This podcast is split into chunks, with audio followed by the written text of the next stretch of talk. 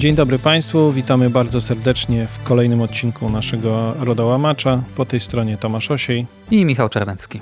Tematów jest dużo, a wybraliśmy jeden, który nas bardzo zainteresował, którego nie mogliśmy pominąć, czyli sprawozdanie Urzędu Ochrony Danych Osobowych za rok 2021.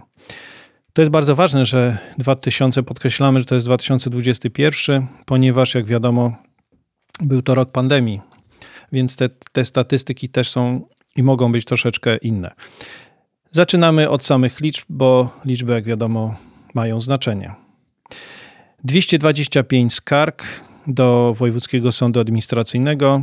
W 2020 skarg było 112, w 2019 89 nie musimy podawać źródła, więc też e, w związku z czym nie martwimy się o to, czy te dane są bardzo prawdziwe, czy mniej prawdziwe, bo cytując za sprawozdaniem Urzędu Ochrony Danych Osobowych, możemy jasno powiedzieć, że tych skarg jest dwa razy więcej niż w roku 2020.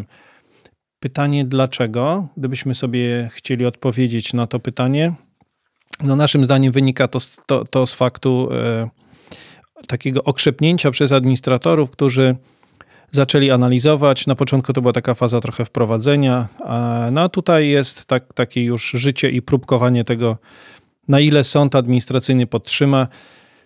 Może też trochę szukania wykładni, takiego potwierdzenia w sądzie, no ale zobaczymy, o tym też będziemy mówić e, dalej. Tak, no jeżeli tutaj już wspomniałeś o niezadowolonych z decyzji urzędu, to, to może wspomnijmy, ile tych decyzji było, bo było ich 2082 czyli o 216 więcej niż w roku 2020. Wtedy wydano 1866 decyzji, a jeszcze rok wcześniej 1369. Także mamy taki wzrost 1369, następnie 1800, no i teraz blisko 200.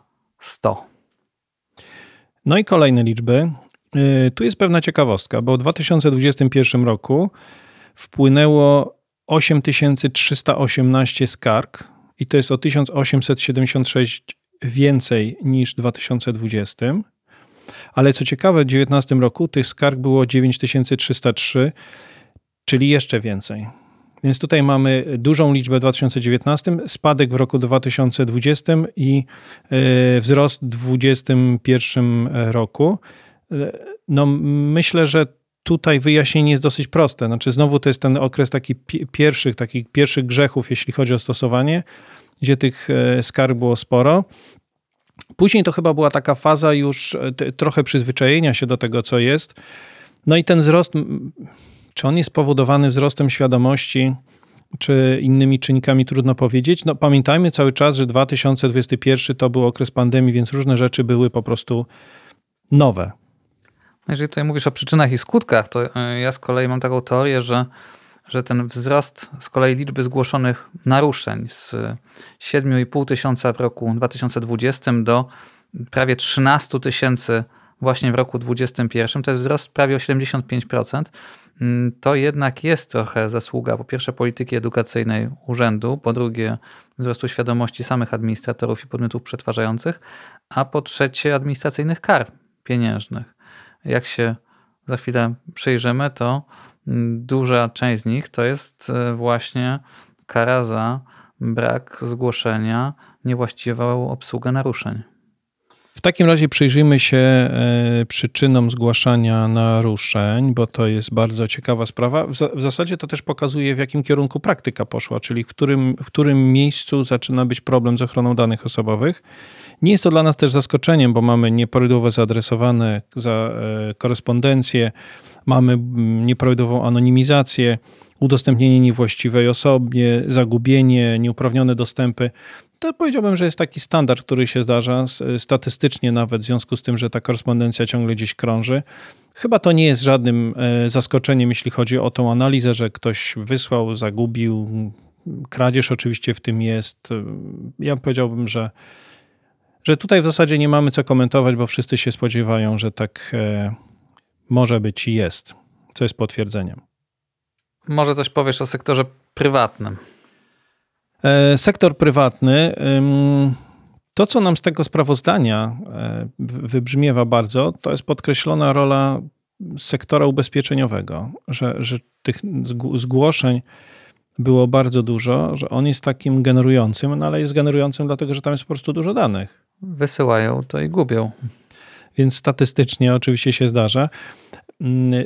Jeżeli weźmiemy pod uwagę jeszcze może większą świadomość tego sektora, jeśli chodzi o ochronę danych osobowych, w związku z tym, że, że jednak pracuje na danych, to, to też nie powinno dziwić. A jeśli chodzi o to, e, o najczęściej zgłaszane naruszenia, no, no to też klasyka, nieprawidłowe zaadresowanie, zagubienie, czyli to jest to samo, o czym mówiliśmy wcześniej, plus dochodzi nam bardzo ciekawy element tutaj wskazany, czyli usługi kurierskie i pocztowe, o których będziemy mówić nieco później. Mamy sektor publiczny, ale tu jest w zasadzie jeden główny punkt, biuletyn informacji publicznej oraz reszta, bardzo podobna do tego, co jest w sektorze prywatnym, więc myślę, że dodamy ten BIP do, sektor, BIP do sektora prywatnego, no to będziemy mieli obraz um, identyczny. Kolejna rzecz to może ja powiem, bo tu jest jedno zdanie, które nas zainteresowało. Znaczy jedna kwestia, yy, czyli związana z, z wszelkiego e, typu naruszeniami, typu ransomware i wszystkie inne, powiedziałbym, że można wrzucić tego samego worka.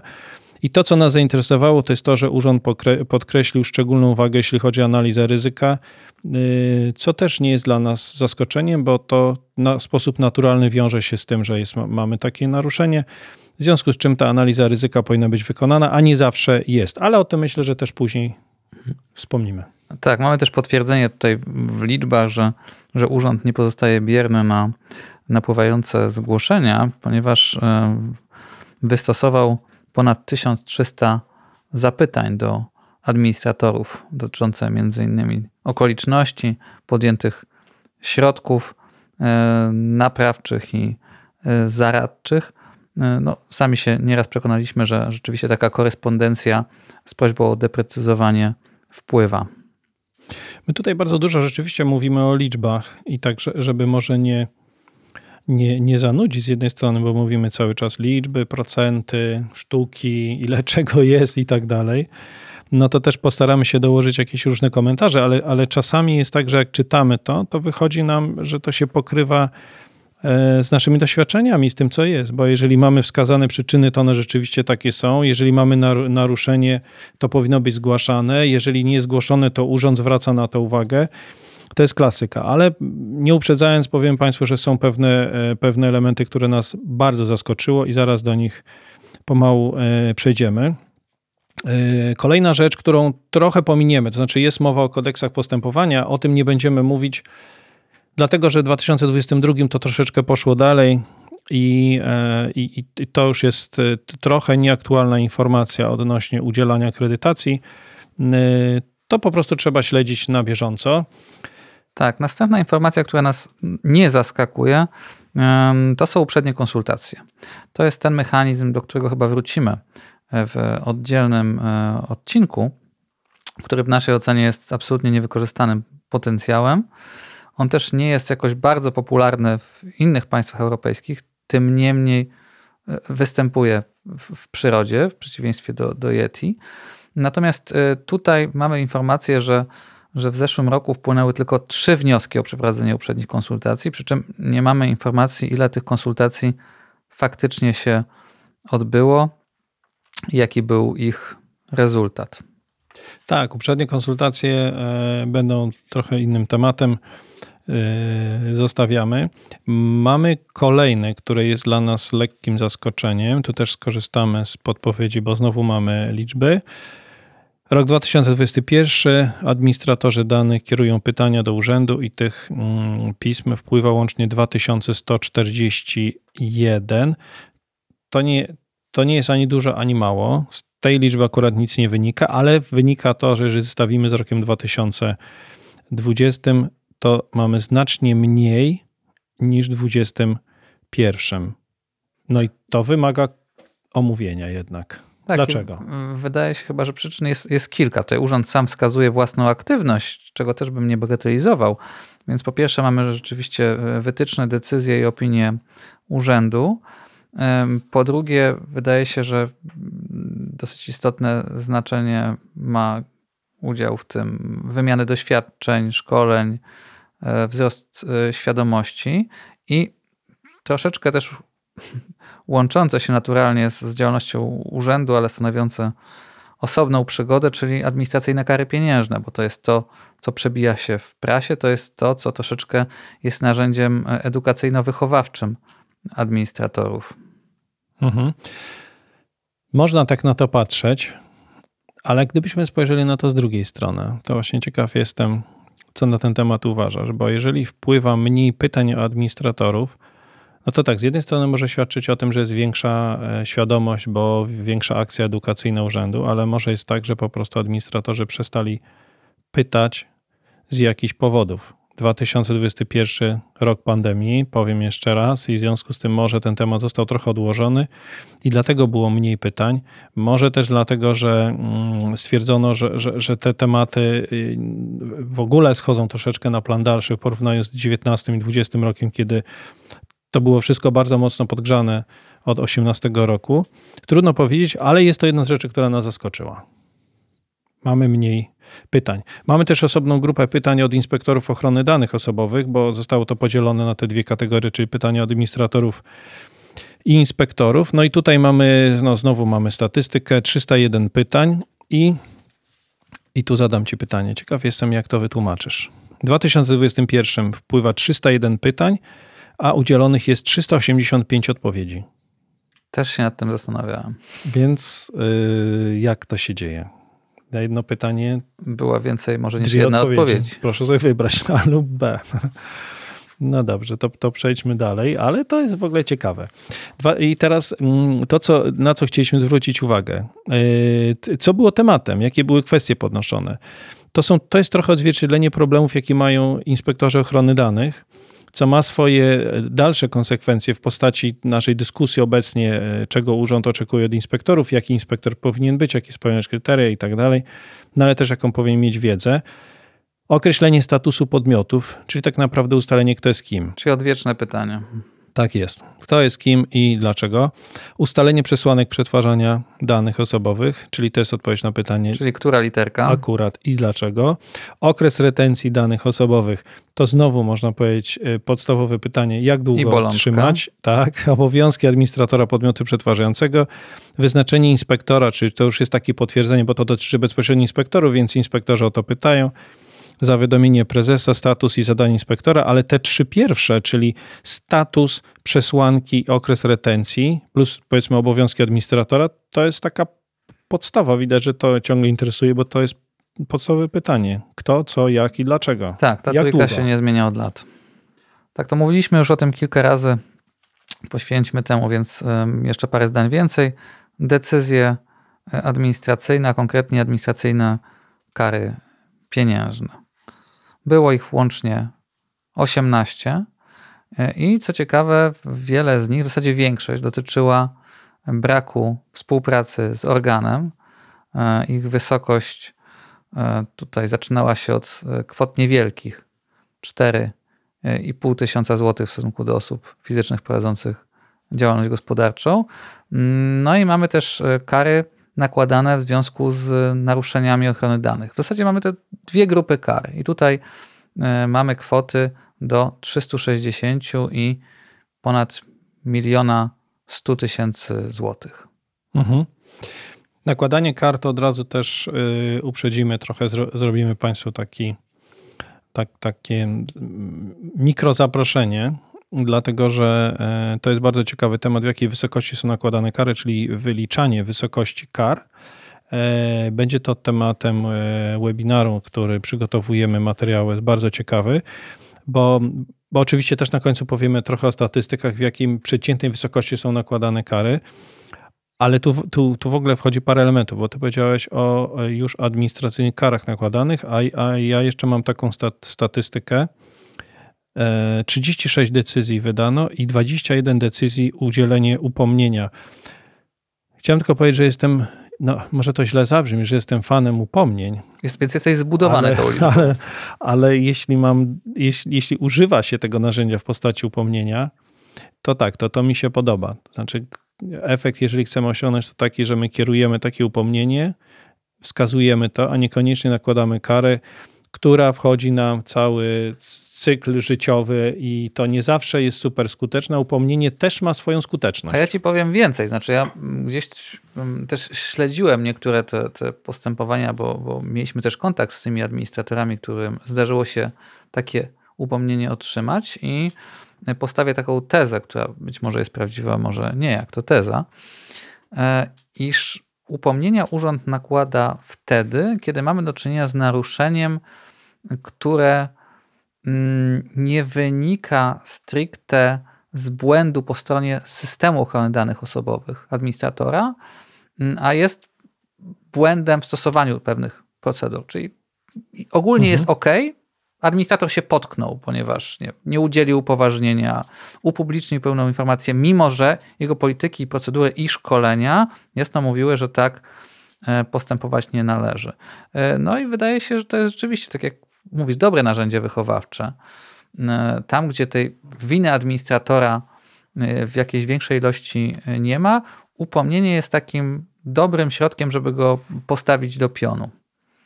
Znaczy, tr trudno, yy, cieszę się, że zgadzasz się ze mną, bo są rzeczy, z którymi Inaczej musielibyśmy to wyciąć. Się nie, nie zgadzamy, ale też tego nie, nie ukrywamy. Tu, tu, tutaj mówiąc o tych upomnieniach, to to tak trochę z drżeniem serca o tym mówię, dlatego że rzeczywiście, jak powiem, że, że jesteśmy fanami tego, a wynika też z Twojej wypowiedzi, że to jest dobre narzędzie, mówimy o tym, że jest to lepsze narzędzie niż od razu nakładanie i, i stosowanie jakiejś broni atomowej. E, upomnienie również odnosi swój skutek i naprawdę czasami jest to lepsze niż nałożenie kary, bo po pierwsze chyba szybciej jest stosowane w praktyce, czyli wdrażane. Jest to upomnienie, które bierze się pod uwagę i ono zazwyczaj jest y, sensowne, uzasadnione. I do tego rzadziej jest kwestionowane, czyli mamy już sytuację w zasadzie zamkniętą.